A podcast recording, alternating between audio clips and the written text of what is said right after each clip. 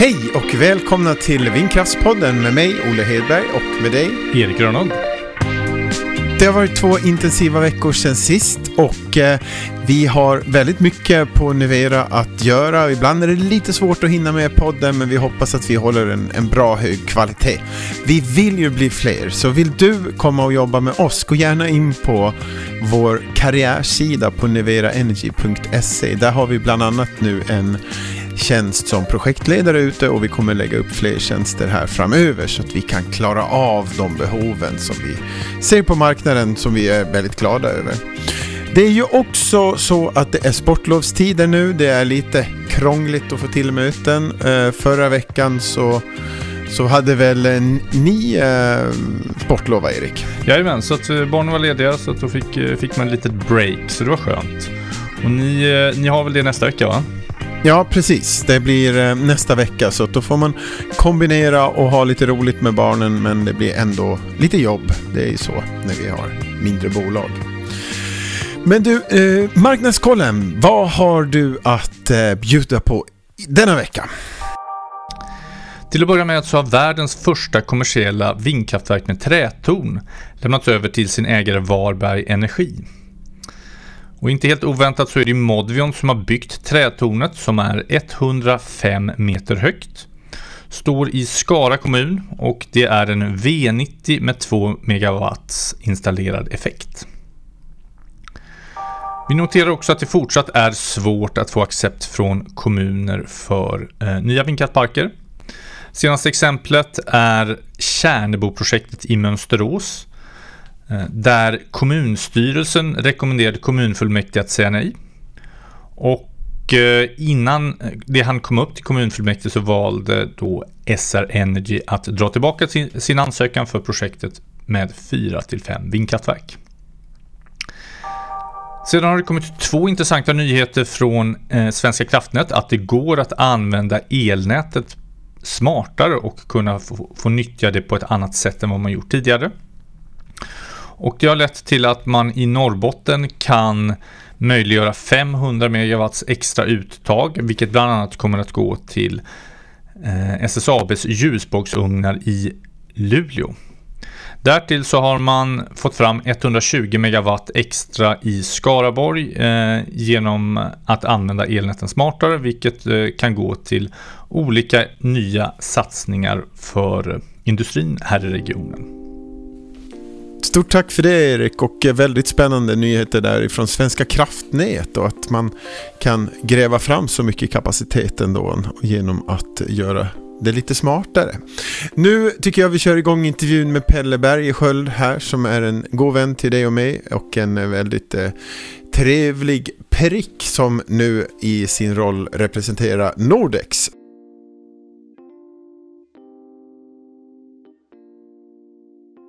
Hej Pelle och välkommen till Vindkraftspodden. Tack så mycket. Hur är läget? Jo, det är en rätt så bra vinterdag i Stockholm faktiskt. Ja, ja härligt. Hur är det att vara i Stockholm? Det är lite ovant. Så jag, jag, försöker att hålla mig härifrån faktiskt. Det låter väl lite taskigt, men nej, men jag, jag har ju suttit hemma sedan 2010 och jobbat. Jag tycker det är ganska skönt. Mm. Ja, skönt att komma iväg och träffa oss. Ja, det är det ju. Vad härlig input här.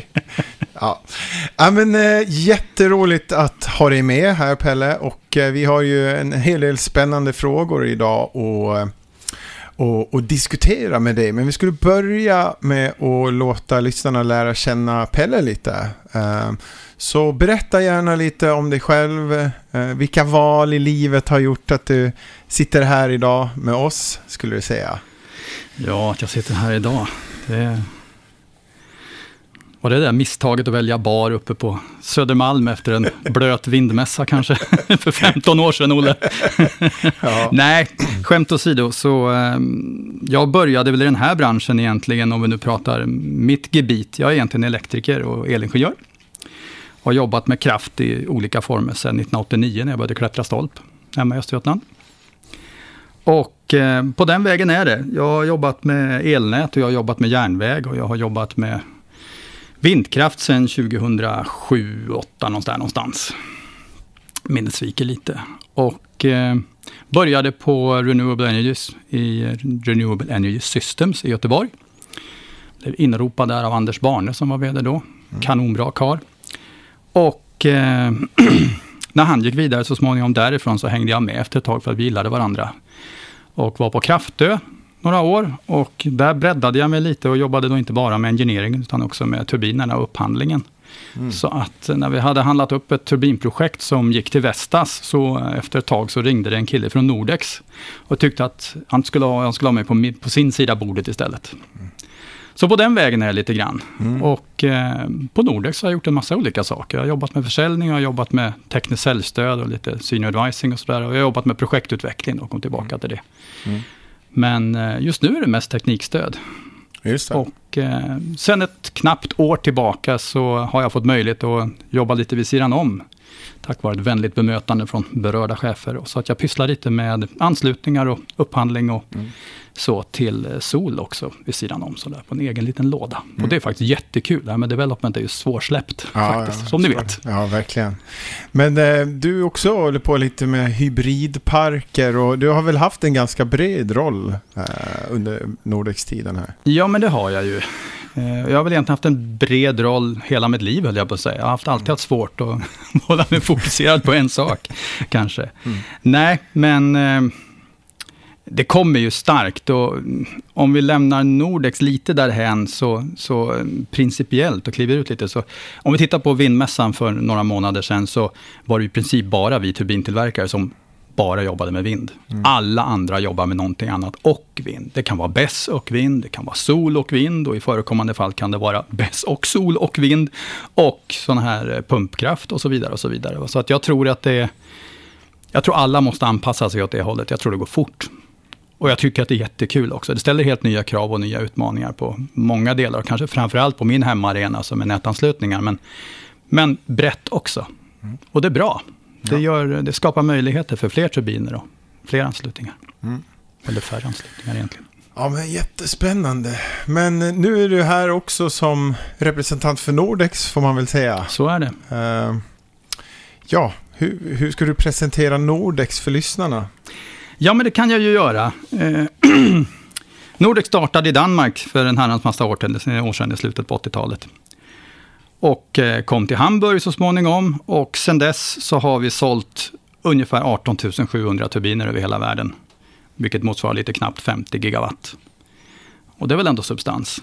Eh, sen några år så ägs det av eh, en spansk firma, Atheona. Men det är fortfarande ganska självständigt får man säga. Så att eh, huvudkontoret är kvar i Hamburg. Eh, vi har en stor engineeringavdelning i Hamburg och en lika stor i Pamplona, gamla Atheona Vind. Och eh, i Sverige så har vi ett huvudkontor i Uppsala med ungefär 60 anställda och lite styvt lika många till ute på sajterna runt om i landet. Som jobbar med de ungefär 440 turbiner som vi har i drift i Sverige idag. Det är väl lite kort om Nordex och dagsläget. Världens bästa gäng att jobba med, det måste fram faktiskt. Så är det.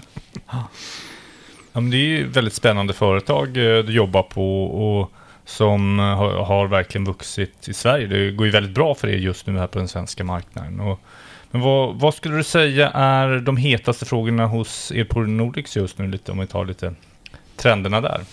Ja,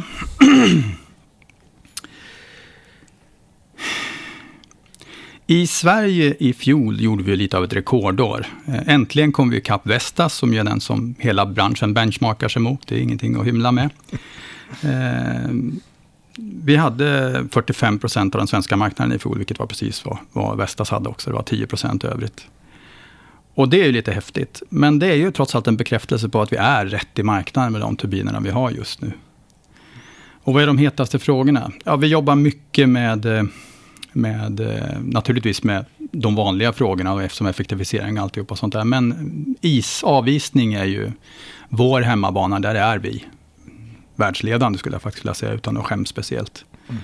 Och sen så är det mycket med eh, nätanpassning just nu, därför att nätet förändras ju väldigt fort, elnätet. Och det är nya krav och nya problem som uppstår på nätet. Inte bara på grund av vindkraftturbiner, utan på grund av all möjlig olika kraft som kommer in och batterisystem och så vidare. Så ja, där finns det att göra. Mm.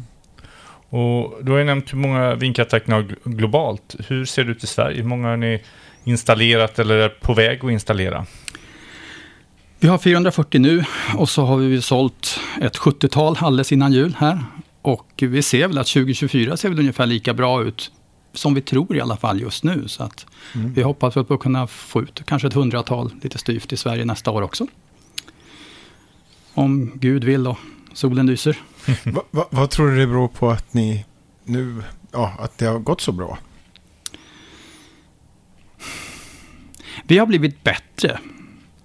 Vi har jobbat hårt på att bli bättre. Vi hade en rejäl break med N149 som ju var väldigt bra i Sverige. Och därifrån har vi kunnat bygga när turbinerna sen har blivit större och bättre. N163 är ju en väldigt rak utveckling på 149. Den nya 175 som kom här nu förra året som vi lanserade är också förhållandevis nära släkten då. Så att vi, vi fick ett bra moment med oss från 149 skulle jag vilja säga. Sen är det väl också så att vi kommersiellt har blivit lite bättre och lite skarpare. Vi kanske har varit lite softa i kanterna med, med och varit lite för snälla med, med eh, marknaden faktiskt. Eh, Vestas har varit tydligare. Nu är vi lite bättre på det också. Och hur skulle du säga att den svenska marknaden står sig jämfört med eh, övriga världen? Liksom hur, hur intressant är Sverige för Nordex? Vi ser inte den svenska marknaden som en enskild marknad, utan vi ser den som en del i en, en viktig nordisk marknad, med då i första hand Finland och Sverige, men Norge kommer sannolikt att komma också. Just nu är det ganska dött eh, på grund av deras ja, Fosenprojektet och allting runt omkring det. Men det kommer att släppa där också. Men den skandinaviska marknaden är viktig för Nordex och har varit länge. Eh, och Europa är vår hemmamarknad. Så är det. Vi är ett danskt företag ursprungligen som idag är ett tyskt företag med stora spanska influenser. Vi är ett paneuropeiskt företag i första hand. Men nya marknader på det som är väldigt intressanta är den växande amerikanska marknaden som ju tar fart nu igen efter en dipp. Och eh, den kanadensiska marknaden som plötsligt kommer till liv. Den har ju varit lite efter. Och sen har vi lyckats tränga oss in på eh, den australiska marknaden också. Där har ju andra varit tidigare, men nu har vi fått ett par break där också. Och det är roligt internationellt. Det är sånt som tar upp kraft internationellt verkligen, men som också ger mycket energi. Mm. Kul att höra att, att ändå nordiska marknaden är ändå en het marknad för er. Och mm. Då kommer en, en naturlig följdfråga bli på det. Om ni har övervägt att förlägga några produktionsanläggningar här i Sverige och Norden? Alltså en vindkraftturbin är ju ingen dussinprodukt på det viset att den, den, den, går att tillverka var som helst och hur som helst och hur många, på hur många platser som helst. Utan någonstans så är ju någon form av centraliseringen en, en nyckel i, i eh, framgången. Så att vi har i Europa en hubb i Tyskland och en hubb i Spanien och vi kommer att stanna där. Eh, lokalt så köper vi stödprodukter och stödtjänster i de parker vi opererar och driver. Men eh, nej, vi tillverkar faktiskt inte speciellt någonting tror jag i Sverige. Utan är det som så att vi får betongtorn, de här hybridtornen till Sverige, eller jag skulle säga när vi får hybridtornen till Sverige, då kommer vi naturligtvis ha betongfabriker lokalt det bussar man inte iväg någonstans, utan det gör man gärna på sajt mer eller mindre. Men som det ser ut nu så är det där det stannar. Och har du någon uppfattning om hur stor andel av underleverantören till era turbiner som finns på den svenska marknaden? Ja, i, vid sidan av de här stödtjänsterna och, och förbrukningsmaterial så i princip ingenting faktiskt. Det, vi har ju Vaisala, de är ju finska, det är väl det närmaste mm. vi kommer med anemometrarna ja. där. Men, men, vi har faktiskt inga svenska komponenter i, eh, i turbinerna som sådant. Däremot så är det ju så här att när man måste prata vindkraftparker så är det inte helt ovanligt att vi har ABB Hitachi-grejer i ställverk och sådana saker. Men det är lite mer case by case basis. Får jag slänga tillbaka där till tidigare frågan? Betongtorn. Mm. Så det, det är det vi kommer gå emot? Inte trä? Ja, det är intressant det där. Alltså Modvion och, och, och deras 100 eh, meters torn här. Vi får väl se. Mm.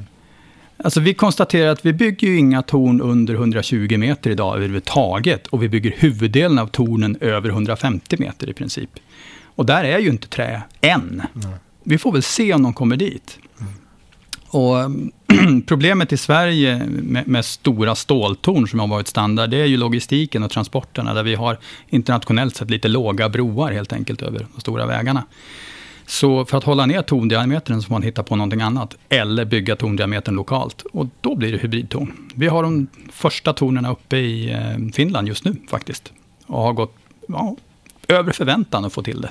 Mm. Så, så att det är kul. Vi blev mm. framröstade som årets vindkraftsinnovation eller något sånt där. I Finland alldeles för en vecka sedan tror jag. Mm. Ja, men eh, om man kollar lite på teknikutvecklingen och vi vet ju väldigt många utvecklare sitter ju och funderar på hur ska vi lägga vår strategi vad avser höjd i tillståndsförfarandet. Och vi har ju lärt oss här i branschen att det är lika bra att ta i lite extra så man inte behöver göra om att eh, tillståndet blir utdaterat. Men jag tror många nu är, men hur högt ska vi gå? 350 eh, meter och vissa söker på 300. Och, så eh, vad, vad är ditt tips om ändå har lite koll på tekniken här? Vad, vad, det är en gyllene fråga såklart. ja, precis. Nej, det är det. Den som men, ändå visste svaret på det. Ja. Nej, men eh, jag har jobbat med projektutveckling halva min vindkrafttid lite styvt i alla fall. Och när vi, jag var med och satte upp Havsnäs för RES eh, uppe i Jämtland, precis i början av min karriär i, i, i den här branschen. Och då, de turbinerna var ju 150 meter i tipp. Vi tyckte de var enorma. Vi såg ingen anledning att någonsin gå högre. De var fantastiskt stora och vackra maskiner de där. Och sen två år senare så fanns det ju 175 tipp och så vidare och så vidare och så vidare. Så att erfarenhetsmässigt så går det ju inte att söka för höga tillstånd. Det måste vara en avvägning mot andra saker, MSA-ytor och vad det nu kan vara för någonting. Men tekniskt sett så, ja det är svårt. Jag tror egentligen inte att byggnadstekniken är det som sätter stopp, utan det kan vara logistik och tillstånd. Men så att sök så höga tillstånd man kan, det tror jag egentligen är... Jag menar, det kostar Tipset. ingenting. Nej, nej. Men eh, och, och, om man tänker då att man söker ännu större och det kommer ju större hela tiden, det har vi ju lärt oss. Um, kommer de liksom eh, ljudnivån och det som emitterar i omgivningen, kommer det också fortsätta att, att bli större när verken blir större? Nej, eh, inte av den anledningen i alla fall. Och tittar vi tillbaka tio år på, på turbinerna så har ju inte ljudnivån per se ökat egentligen. Och det kommer sig av att det som ligger bakom, det som driver så att säga, det ljudet som vi hör på lite håll, det är eh, när vingspetsen på bladet går genom luften. Och hastigheten, det är direkt proportionellt mot hastigheten som spetsen går genom luften. Mm. Och det där anpassar man, så att en stor rotor roterar långsammare eller med färre varv per minut då, än vad en liten rotor gör. Det kan man ju se om man åker på Östgötaslätten hemma, där vi har både små V47 som står och som är stora V117 och 130 meters maskiner i bakgrunden. Mm. Att de stora maskinerna roterar kanske hälften så fort.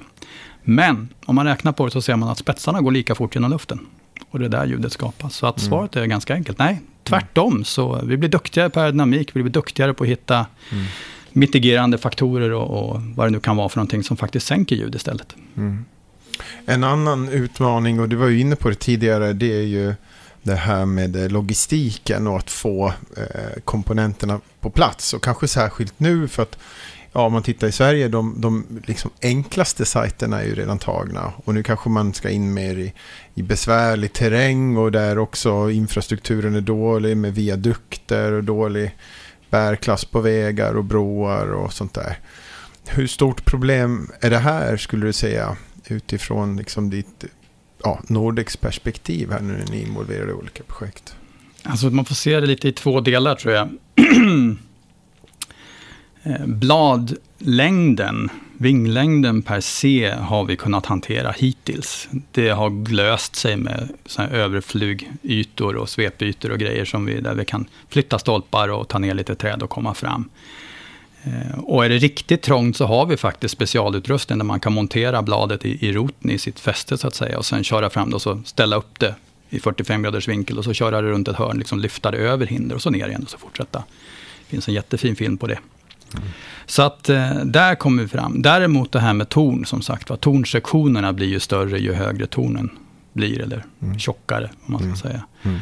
Och idag så ligger ju en, en standardviadukt ligger på 5,3-5,4 meter någonstans. Vilket innebär att det är ungefär så stora torn vi kan, eller stora baser i tornen vi kan ha i Sverige innan vi får hitta på någonting annat. Och där känner vi att vi börjar slå i lite grann. Okay. Det har inte varit omöjligt hittills för att det finns nästan alltid en väg runt. Men det stänger oss ute från en del bra hamnar, tyvärr. Mm. Mm. Så att det kan bli långa landsvägstransporter istället. Just det. Men då om man skulle liksom omsätta den här begränsningen till max megawatt per turbin då. Vågar du chansa någonting där? Vad vi, alltså utifrån de eh, infrastrukturella liksom, logistiska begränsningarna? Nej, jag tror inte det. Därför att det har inte egentligen med saken att göra. Det är klart att det har hållfasthetsmässigt. Men, men ja, vi är inte där än. Och som sagt vi ser ju andra lösningar med de här hybridtonerna med en, en överdel i stål, en underdel i betong som, som löser en stor del av det här problemet. Så att mm. vi kommer att få se större turbiner fortsatt på, mm. på land också. Mm. Eh, du var inne på det här också tidigare och det är ju isutmaningen. Och inte sällan är det ju ganska mycket oro kopplat till det lokalt om man har ridleder i ett område och man vill fortsätta att nyttja det och sådär. Um, hur ser du att utvecklingen har varit där de senaste åren och uh, ja, behöver man vara orolig som närboende om man uh, applicerar den bästa tekniken på det här? Nej, jag tycker inte det nu, har vi, nu, nu är det lätt att sitta som Nordex-representant och prata avvisning. Eh, vi har ju jobbat med uppvärmda blad här nu i ett decennium. Och I början var det väl lite skakigt innan vi fick till allting. Några berömda problem som följd. Men vi har fått till det och vi har haft väldigt hög driftsäkerhet de sista fem åren. Och där är det ju så att vi avisar ju egentligen så fort av is, sort isbildnings sannolikheten ökar i luften, vilket innebär att det blir inte så mycket is på bladen. Och den is som inte finns på bladen kan inte ramla av, vilket i sin tur innebär att den kan inte heller träffa någon inunder. Så eh, nej, det, det, är inte, just det är inte något problem. Nej. En annan sak som också diskuterats och har väl gjort det länge i branschen, det är ju kopplat till ja, Park Optimization. Och i det så kan man ju många gånger kanske känna sig frestad att ta en mindre turbin på en viss plats där man ser att ja, luften kanske kommer röra sig på ett visst sätt. Då. Um, tror du att vi någonsin kommer se det här att man har olika turbintyper och olika tornhöjder inom en, en park? Eller kommer det fortsatt vara så att vi har till en plats så levererar vi en turbin. Ah, Olle, du har köpt för få turbiner av oss, för det här har vi hållit på med i flera år. Har ni det? ja, så är det faktiskt. Vi, okay. vi optimerar varje park. Jaha, ni gör det. det gör vi. Och vi tittar ju på hela vår turbinportfölj ja. i varje park. Vi vet ju liksom mm. var, inom vilka parametrar som vilken turbin passar bäst. Och så optimerar vi därifrån. Och vi har flera projekt, bland annat eh, High Coast och eh, det här stora projektet uppe i eh, RV-projektet uppe i eh, norr om Sundsvall som det har varit mycket om i media. Okay. Det är också lite olika turbiner. Det är det alltså? Ja, det är det. Men då är det rotorstorlek? Ja, det är både rotorer ja. och torn. Vi skräddarsyr, kan mm. man säga. Och det, det är det är kommersiellt bättre helt enkelt? Ja, mm. den bästa turbinen på, på, på varje plats helt enkelt. Och det är också som så att vi föreslår ju i de fall det finns en flyttmån mm. så kan det ju hända att vi föreslår att man ska flytta en turbin 50 meter eller 20 meter eller någonting sånt. Ja. Och, och tar ni även in livslängd då i de beräkningarna så att man även optimerar på den då? Hur, hur, hur brukar ni göra den avvägningen? För det är också någonting som jag själv har jobbat lite med. att det, det, det är ytterligare en parameter som gör det lite mer komplext.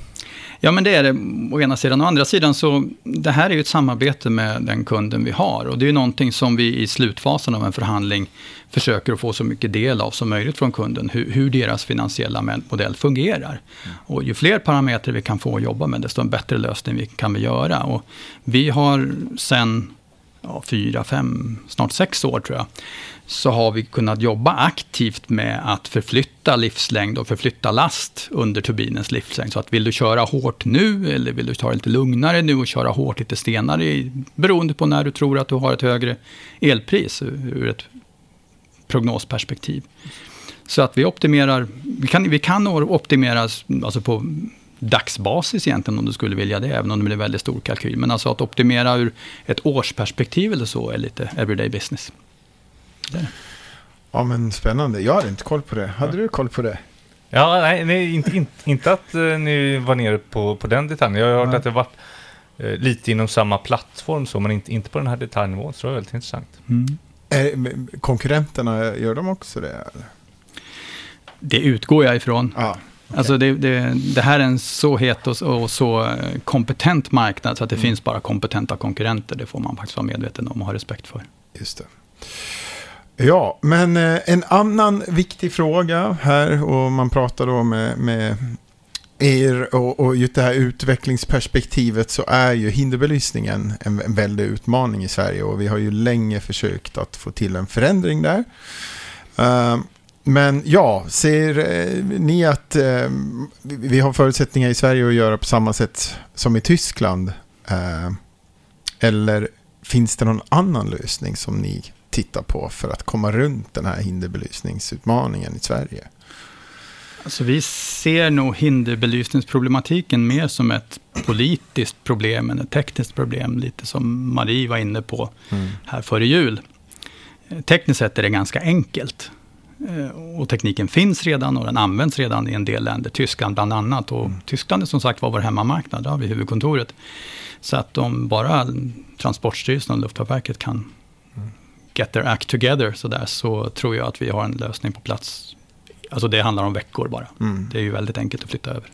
Men jobbar Nordex också emot att få till en förändring där? För det är många utvecklare som gör det och branschorganisationen. Men Gör, gör ni också ja, alltså, ansträngningar? Alltså, vi jobbar ju via branschorganisationen tillsammans med utvecklarna. Mm. Eh, jag skulle inte säga att vi har en egen kontakt med myndigheterna på det ja. viset. Därför att det har inte myndigheterna heller visat sig vara speciellt intresserade av. Utan de gärna, jobbar gärna via Svensk Vindenergi, den mån de jobbar alls, höll på att säga.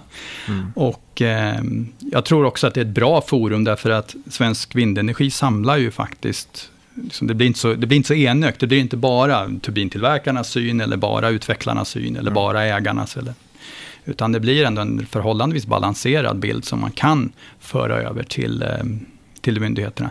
Till mm. skillnad från hur Solsidan faktiskt, de har lite större problem. De har kanske inte kommit så långt än, men mm. där är det lite rörigare i just den här kontakten. Så att där ska kamraten Badman och hans gäng ha en eloge. Ja. Men eh, det är ju också problem, en inte problem, men det är ju en utmaning när man eh, i vissa samhällen vill man ju inte överhuvudtaget se vindkraftverken.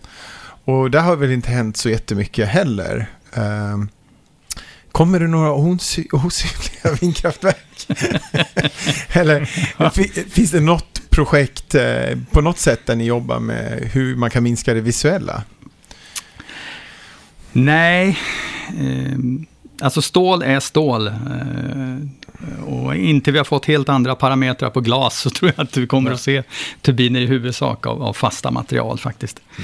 Mm. Med det sagt så man jobbar ju med olika färger naturligtvis och scheman och sådär. Ja, jag får väl, jag får krypa till korset och erkänna att jag tycker Enercons grågröna maskiner är jättesnygga. Ja, så var det sagt. Men med det sagt så är det också så att den här ljusgråa eh, färgen som vi har, det är väl Fegrau tror jag han heter på, på tyska eller någonting. Där. Mm. De, jag tror att Bundesmarine målar sina fartyg i samma färg faktiskt. Aha, okay. Eh, den har ju visat sig vara rätt så bra. Den döljer ju turbinerna i den mån det är möjligt mm. emot himlen, de, de låga vinklar vi pratar om. Och det är så bra det blir. Mm. Jag tror egentligen att eh, blinkljusen, alltså hinderbelysningen, är det stora problemet visuellt. Själva turbinerna och att de rör sig och sådär, det har ju visat sig i studier, framförallt nere i Europa, men även i viss mån i Sverige, att ja, men folk vänjer sig efter ett tag och tycker till och med att det är lite snyggt. Och jag får ju mm. säga att jag tycker den här gråa färgen är ganska elegant. Mm. Alltså det, är ju, det är ju faktiskt graciösa, snygga skulpturer vi ställer ut. Mm. Man ska vara på det hållet. Bra kommentar. Eh, en annan spännande fråga som jag själv inte minst har klurat på och det är ju eh, offshore och så har vi onshore. Men det finns inget riktigt tydligt nearshore segment och det kanske är särskilt aktuellt egentligen i Sverige. Här har vi väldigt, liksom, det är låga saltnivåer så att vi behöver inte ha jätte, liksom, eh, skydd mot det i, när man är precis vid kusten. Vi har inga extremväder. Vi har ju mer snarlika förhållanden eh, det vi ser på land i Sverige när vi har de här projekten som ligger nära kusten. Och där ser ju i alla fall jag och jag vet flera ett segment som, som någon skulle kunna ta. Alltså göra en lite billigare offshore eh, maskin, men som inte är liksom certifierad och klassad utifrån de extrema förhållanden som finns i Nordsjön i, i många delar. Är det någonting Nordex eh, funderar på eller skulle? Alltså vi har tittat på det mm. eh, faktiskt. Eh, på ett, ett, par projekt i, i Skandinavien. Mm. Men vi har inte riktigt hittat fram. Det visar sig att det är större skillnad mot de landbaserade maskinerna än vad man först tror. Än vad vi först trodde i alla fall. Mm. och sen på det så tillkommer det en del bankability-krav som, som ställs. Att det måste vara certifierat hit och dit så fort det är blött om fötterna. Ja. Och ytterligare så är det ju så att underhållet blir lite mer komplicerat om man inte kan köra en bil hela vägen fram. Ja. Eh, vilket också har påverkan på lite hur man ska jobba och sådär. Så att vi är väl inte där än. Och ska jag vara helt ärlig så är det kanske så att vi har mycket nog att göra med den utveckling vi jobbar med. Så att mm. vi kanske inte jobbar så hårt med det där som, som du hade önskat, eller som Nej. jag hade önskat. Men, mm. men så är det. Mm. Vi får väl se om de tillverkare som faktiskt redan idag har offshore-maskiner går från mm. andra hållet. Ja. För det är en potentiellt väldigt stor marknad. För nu har man ju kanske tagit de här där vi har en högre medelvind och du har mer extremväder. Men runt om egentligen i hela världen offshore så kommer det ju lite mera liksom low wind sites. Och som inte är så himla, eh, jag tänker hela liksom Bottenviken på finska och svenska sidan. Och Indien har inte heller samma hårda vind sådär. Att, eh, Nej, å ena tips, sidan. Å andra sidan så, det här med low wind-sajter, det ser vi även onshore. Att vi bygger ju idag på sajter som vi absolut inte hade byggt på för tio år sedan. Ja. Och jag tror vi kommer att se mer sånt. Och i, i, takt med att vi kan få lite högre torn så behöver vi inte ha lika mycket höglägen i, i terrängen heller. Utan mm. vi kommer upp i laminärströmning i alla fall. Mm. Och trots allt så är det och kommer att vara dyrare att bygga från båt än vad det är att bygga från land. Länge. Ja, men toppen. Uh, hur arbetar Nordex på att optimera för hybridparker? Det vill säga att integrera sol och batterier i parker och att de kan prata med varandra och optimera. Det där började vi titta på för nästan tio år sedan. Vi har haft en anläggning gående nu i ja, åtta år eller någonting tror jag, utanför Hamburg. Mm. Med ett par turbiner och en, en, en battericontainer. Som det har forskats en del på. Och det har gått över förväntan faktiskt. Mm. Samtidigt så eh, är det väl så att man tittar på vad man gör med en batterianläggning idag i, i en, en, en, kraftproduktionsanläggning så är det ju batterianläggningen som egentligen tar eh, stora delar av flexibiliteten. Vinden blåser som vinden blåser lite grann. Och batteritillverkarna de här bästtillverkarna har varit duktiga på att bygga styrsystem utifrån det där. Så från turbinsidan ser vi kanske att vi tillhandahåller ett interface där de kan få data snarare än, än att eh, styra. Mm. Och vi tror att det är så det kommer att se ut. Mm. En annan spännande fråga är ju det här med kran och få det till sajt. När, när tror du vi kan se tornklättrande kranar? Ja, det är också intressant som sagt det, det, är, det blir ju mer och mer aktuellt ju högre torn vi får. Mm. Å ena sidan. Å andra sidan så under den tid vi har tittat på det här, och jag vet första gången jag tittade på det här var faktiskt på 175 meters torn. Mm. eller 175 meters tipp ska jag säga, så det var ju 120 meters torn eller något sånt där. Eh, så än så länge så har vi inte kunnat räkna hem det, mm. faktiskt. Okay. Servicekranar och sådana mindre grejer är en annan sak. Men det här med att bygga klättrande kranar som kan lyfta hela eh, mm. stora komponenter. Så där är vi inte ekonomiskt än. Tekniskt är vi där. Mm. Det löser sig. Mm. Men eh, ekonomin är fortfarande, trots de här stora bomlytorna och alltihopa, så ja. är vi fortfarande där att det är enklast och billigast att göra så. Mm. Men tror du det kommer att skifta? Någon gång kommer det säkert att skifta, eller någon gång kommer det att komma in som en, en, en del. Eh, jag tänkte på det, någon podd här sen när, när du hade Askim här som pratade om, om flytande fundament. Mm. Att det kommer garanterat att bli en, en del av marknaden där det inte går att göra någonting annat eller där det är mest fördelaktigt. Och så tror jag det blir med de här, de här eh, kranarna också. Där mm. vi inte kommer fram med en stor kran, där vi inte kan bygga bomytor. Mm. Där kommer det bli klättrande kranar. Men länge än tror jag det kommer att vara markstående kran där vi, där vi bara kan få dit det så att säga. Mm. Sen eh, jag eh, stämde av lite här med Carl Folkeman på VPD inför den här intervjun. Han skickade med en fråga här. Varför satsar inte Nordex på att mäta in power curve med LiDAR istället för mätmast? Skulle inte det öppna upp för att komma ifrån mätmast? Ja. Hej Kalle. eh, nej, men det där är inte en teknisk fråga. LiDAR-mätning som sådan har ju funnits i många år och används i andra sammanhang med, med god precision. Men Eh, i vår tillämpning så har vi inte sett att eh, finansiärerna är så sugna. Mm. Det är där det sitter. När finansiärerna accepterar LiDAR-mätning så är vi beredda att kliva över ganska fort. Men idag är det som så att bankerna vill ha en anemometermätning och då får de den. Därför att annars lånar de inte ut pengar till samma villkor. Så är det. Bra svar. Och sista här eh, på lite teknik. Det som du sa, det där kanske inte var en teknikfråga. Men, men en annan jätteviktig fråga det är ju det här med eh, återvinning av bladen eller återanvändning. Eh, vad, vad tror du kommer ske? Nej, men vi får eh, blad som kommer att kunna ja, demonteras eller lösas upp eller hur vi nu gör, där man tar hand om, om eh, materialen och återanvänder dem. Vi är snart där skulle jag vilja säga. Vi har flera projekt som tittar på olika lösningar igång och vi har ett huvudspår som Ja, det är, inte, det är inte många år bort men vi verkligen är där. Men till det här ska också sägas att vi har faktiskt inte grävt ner några blad i Sverige än. Och vi mm. tänker inte börja. Mm. Men intressant. Om vi ska hoppa vidare lite på um, marknad och ekonomifrågor. Uh, så en fråga som ligger mig varmt om hjärtat är ju LCO-utvecklingen. Alltså vad kostar det att producera en kilowattimme? Och om vi går tillbaka kanske 5-6 år sedan, då var det många i branschen, inklusive jag själv, som trodde att det här kommer fortsätta neråt. Att man låg kanske kring 30 öre per kilowattimme. Men det här kommer nog med nya modeller gå, gå ner till 25 eller kanske ännu lägre. Och nu har ju då eh, inflationen bland annat drivit upp det här så att man är ju någonstans mellan 40 50 på många projekt här. Vad, hur ser du att det kommer utvecklas framåt? Vad är din spaning där?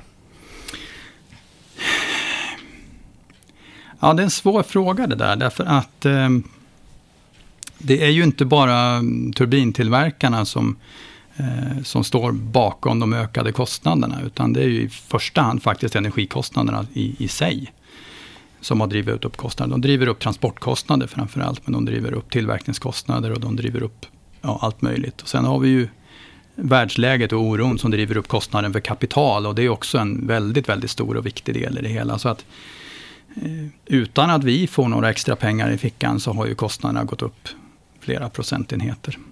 Sen är det också som så, som var och en kan, som kan läsa årsredovisningar vet, att eh, det är inga turbintillverkare som har skurit guld eh, det sista decenniet.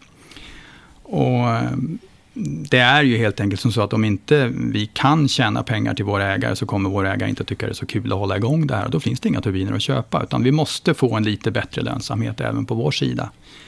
Så det här är ett delat ansvar. Aschan var inne på det lite ja, grann. Precis. Senast faktiskt, att det, är inte, det är varken, det är inte på, på tillverkarsidan eller byggsidan som, som de stora vinsterna tas ut, utan det är på andra ställen i, projekt, i processerna och i projekten. Och vi måste nog vara lite tuffare och lite tydligare med vad vi måste ha ut. Och här måste branschen också generellt förstå att det måste få kosta pengar med bra grejer. Eh, vi försöker betala igen med, med, bättre grejer och billigare underhåll. Och, och där kan vi fortfarande jobba och, och, längre livslängder. Och där kan vi också fortfarande jobba på saker och ting. Men vi måste ha in ett, ett kapital och vi måste ha in ett cashflow som inte bara medger att vi kan äta ur hand i mun, utan det måste bli lite över. Här har ju turbinutvecklingen, som har varit väldigt snabb det senaste decenniet, också legat oss lite i fatet, därför att det har gått så fort så att vi får liksom ingen utväxling på den modellen vi just har utvecklat för 100 miljarder euro, eller vad det nu kan ha kostat att ta fram en ny turbin. Va? Därför att två år efteråt så måste det till en ännu styr, häftigare och ännu finare och ännu nyare turbin som kostar 100 miljarder euro till. Och det, så många turbiner hinner man liksom inte att sälja. Och det här måste nog bromsas in lite grann.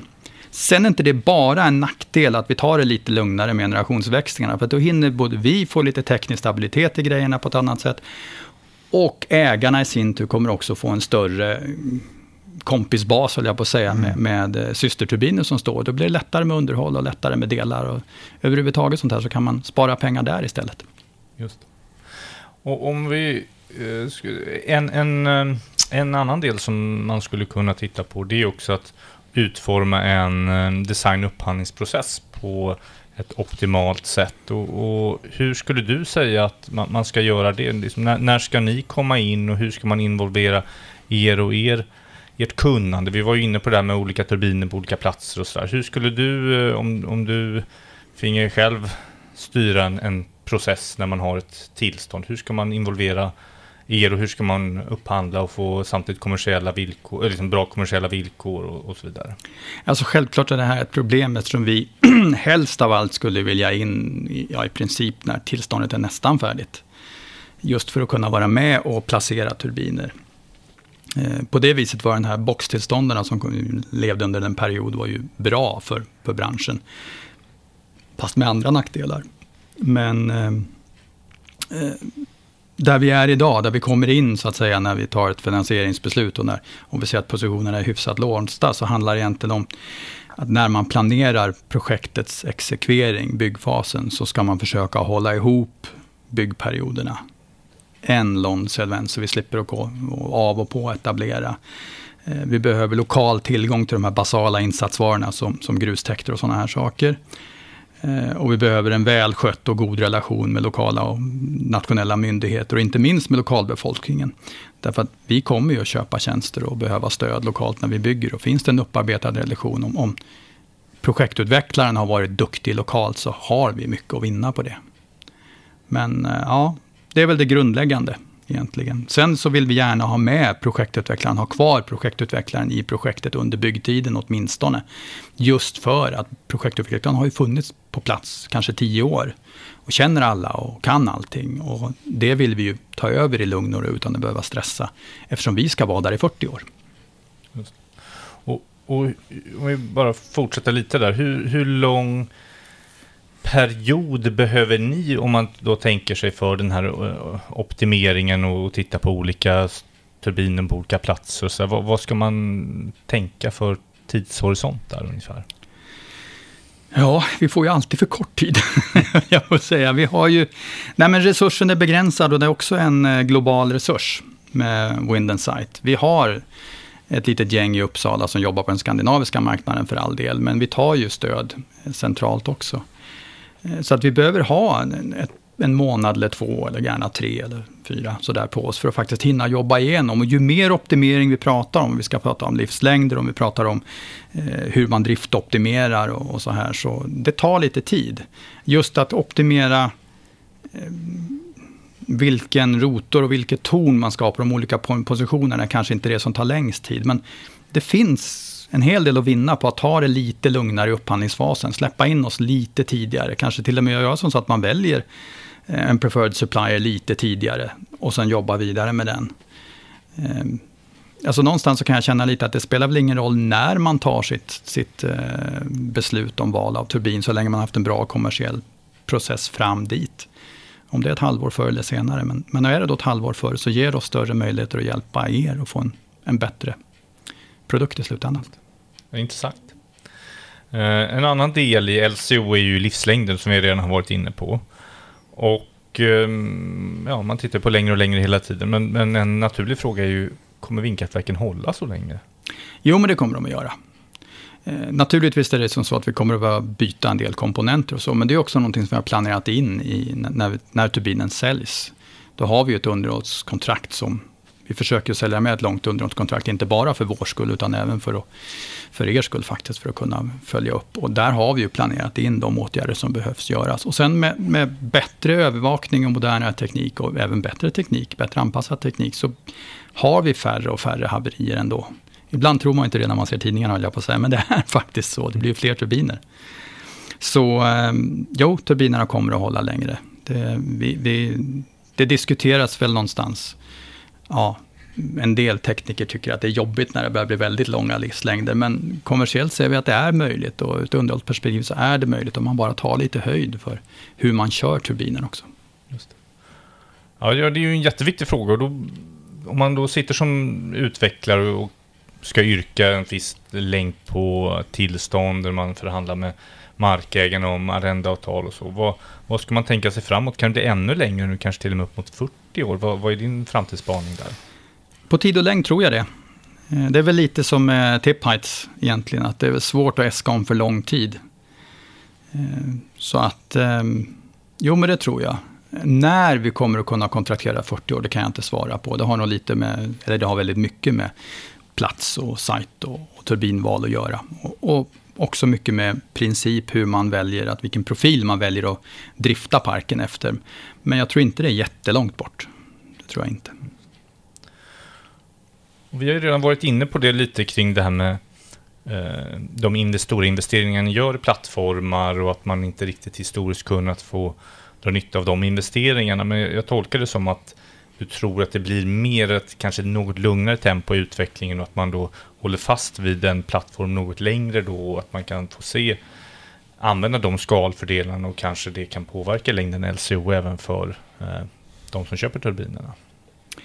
Alltså vi har ju sett en utveckling de sista åren i Europa, framförallt där, där vi ser att eh, en del gamla duktiga turbintillverkare av olika skäl har dragit sig ur för längre eller kortare perioder. Och det pekar väl på att det har gått lite för fort att man tar paus. General Electric var ju väldigt tydliga med att säga att de inte tänkte fortsätta utveckla det här tempot innan de backade hem till staterna. Och det tycker vi är bra. Vi tror att det är en, en riktig utveckling och, ta ner det tempot lite granna. Faktiskt. Eh, förhoppningsvis så, så innebär det att eh, inte bara att vi kan tjäna bättre pengar som sagt, utan att eh, även marknaden i stort kan, kan få en tryggare tillvaro, en lugnare tillvaro. Vi hoppar vidare med, med en annan framtidsfråga som florerar mycket så är det ju AI. Hur tror du att AI kommer att påverka eh, vindkraftverk och turbinmarknaden? Jo, men det tror jag kommer att få en stor inverkan. Eh, dels så kommer vi kunna planera bättre, eftersom AI ger mycket bättre simuleringsmöjligheter. Det blir lättare att förutsäga projektutfall helt enkelt och ta höjd för olika case. Eh, men sen tror jag kanske framför allt att eh, på underhållssidan, hur vi kör turbinerna och hur vi planerar underhåll, där kommer det göra jättestor skillnad. Vi kommer att kunna beräkna komponentlivslängder på ett helt annat sätt, vilket innebär att vi kommer att kunna ha mer eller mindre flygande komponentutbyten där du inte behöver stå till mer än ett par timmar för ett ganska komplicerat jobb. Till skillnad från idag om du får ett växellådshaveri, då står du tills du har fått växellådan på sajt och den tillverkas ju på beställning, det kan vara månader. Eh, vi börjar redan nu sedan några år att jobba åt det hållet och har ett mycket bättre planerbart underhåll. Men vi ser ju att det finns enorma möjligheter att steppa upp där ytterligare med AI.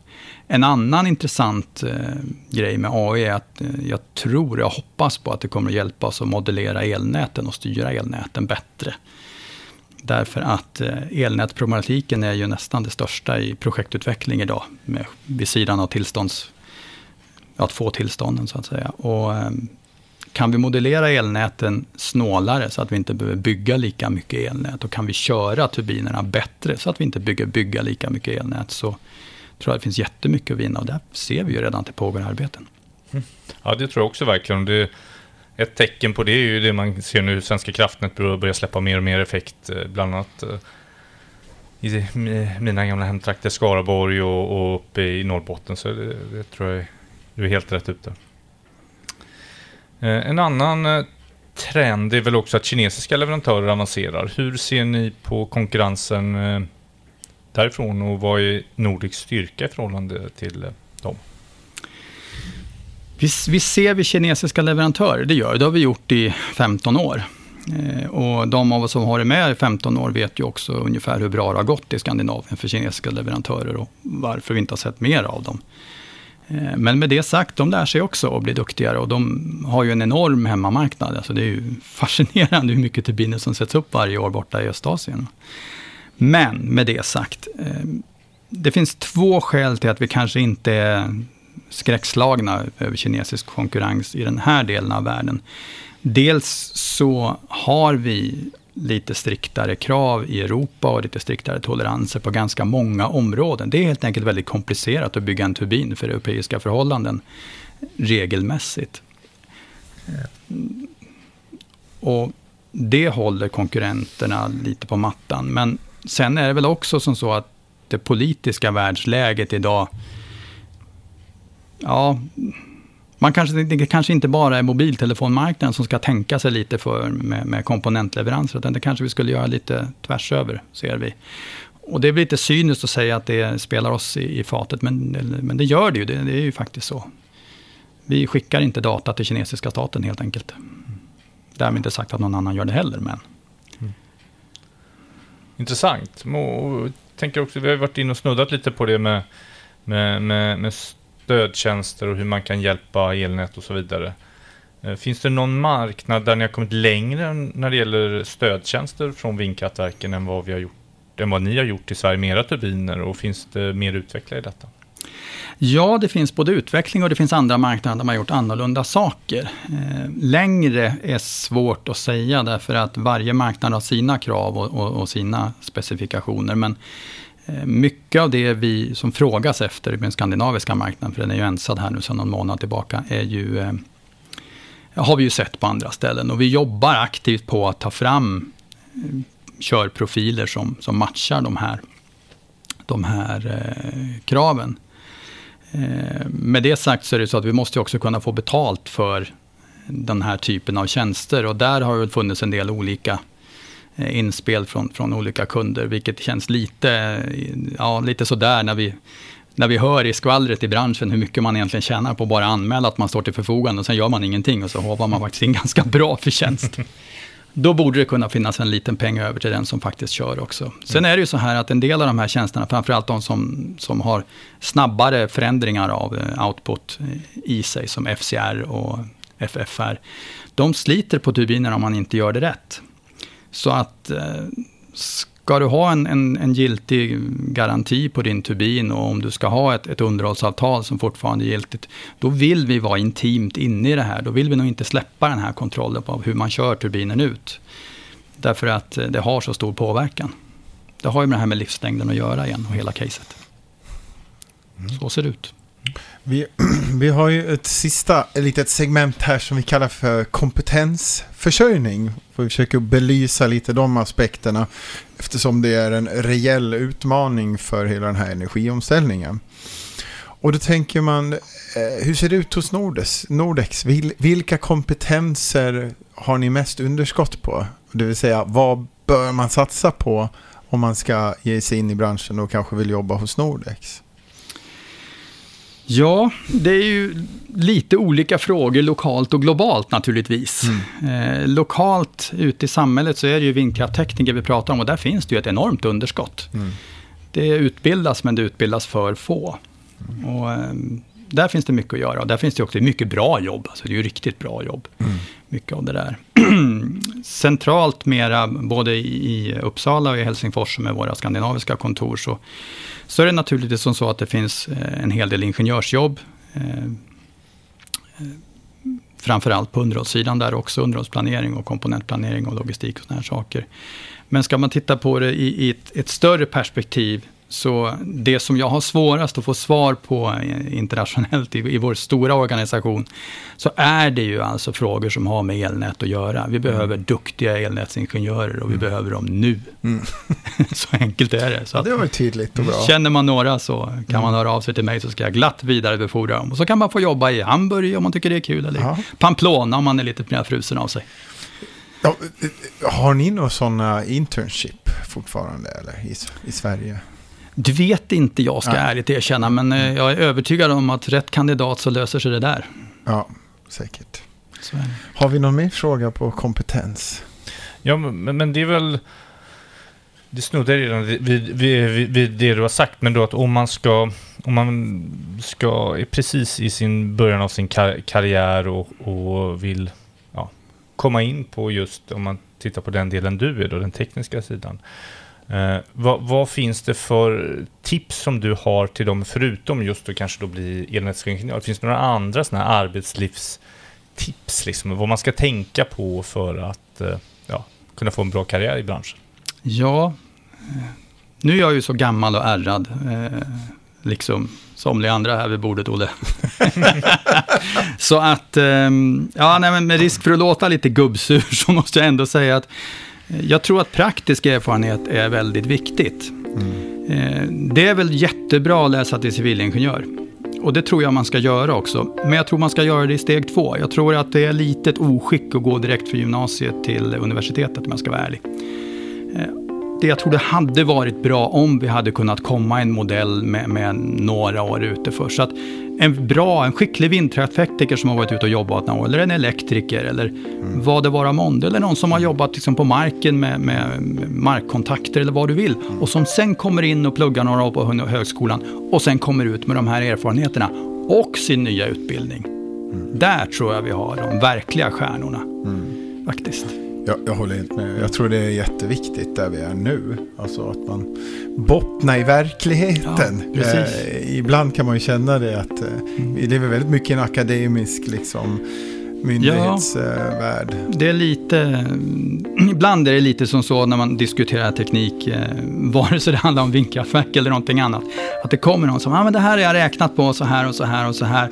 Och så vet jag, för jag har meckat med det här och jag har gjort mig illa på det här, att nej, det är möjligt att du räknar på det så, det stämmer, men det stämmer fan inte i verkligheten. Mm. Därför att jag gjorde mig illa förra gången och då har man det där i tummen lite grann. Och fortfarande så här 30 år senare så är det ju fortfarande så att när jag tittar på en sajt eller på ett ställverk så där så vet jag att ja, om det tar ungefär så här lång tid och ungefär det här kan hända. Därför att man har den där skruvmejseln i handen på något sätt när man står och tittar på det. Mm. Och det har, jag tycker det funkar bra. Jag tycker det är en bra grund. Ja, men det är ett bra tips. Vi tar vår sista fråga och det är ny för säsongen här. Eh, och det är ju när du ser tillbaka på din karriär, vilka ögonblick eller projekt är du mest stolt över och varför? Något som du är särskilt stolt över som eh, varit svårt men som du lyckats med? Och jag tycker det är jättesvårt faktiskt för att det, det, alltså min karriär är ett enda långt bananskal. Jag har gått på lust. Jag är dåligt ekonomiskt liksom motiverad sådär. Utan det har verkligen varit så att, oh, det här ser roligt ut och den där människan var trevlig. Och egentligen så snarare än att säga vad jag har lyckats med, vad jag är stolt över, så skulle jag vilja säga att jag är väldigt, jag är väldigt tacksam över alla som har erbjudit mig möjligheterna att faktiskt få utvecklas under alla de åren och få prova olika saker. Och dessutom få betalt för det. det så att, ja, det kanske inte är ett svar på din fråga, men det är vad du får. Mm, ja. det var bra. Tack, ja, men jätteroligt att du kom hit. Jätteroligt att få vara här och så himla kul att få träffa er igen. Mm. Säga det, så är det. Toppen. Tack, tack, tack. Tack så mycket. Tack för att ni har lyssnat. Vi är tillbaka om två veckor med en mycket intressant gäst kan vi utlova redan nu. Gå gärna in också och eh, likea vår Vindkraftspodden-sida på LinkedIn. Följ oss på Spotify, Apple Podcast. Ni får gärna gilla också vår Nivera Energy-sida där vi lägger upp våra senaste nyheter. Och gå gärna in och kolla vår karriärsida. För nu behöver vi bli flera. Så är det. Ha en fantastisk helg. Tack och hej.